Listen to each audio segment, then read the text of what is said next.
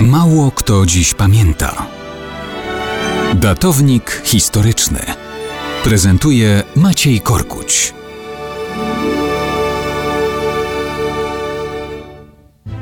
Mało kto dziś pamięta, że 23 września 1917 roku swoją kolejną walkę powietrzną stoczył Werner Voss, jeden z największych asów lotnictwa w czasie I wojny światowej. To człowiek, który od dziecka ma pociąg do nowinek technicznych. Biedy nie cierpiał, był synem właściciela fabryki farb. Kiedy ma lat 17, wybucha wojna. Rok później ochotniczo zgłasza się do wojska.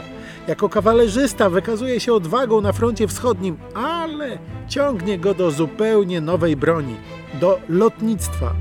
Uzyskuje przeniesienie do szkoły lotniczej. Szybko staje się prymusem. Zaczyna uczyć innych. W marcu 1916 zostaje skierowany już do walki powietrznej na froncie zachodnim. Szlifuje umiejętności w lotach rozpoznawczych i bombowych, ale jesienią 1916 uczestniczy już w bezpośrednich walkach powietrznych. Ma talent, intuicję i refleks.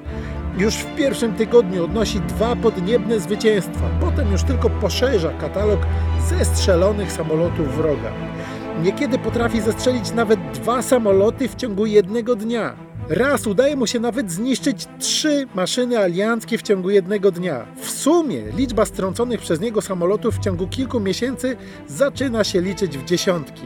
Kiedy w sierpniu 1917 przesiada się do trzypłatowego Fokkera, ma na koncie już 38 samolotów wroga zniszczonych w czasie podniebnych starć.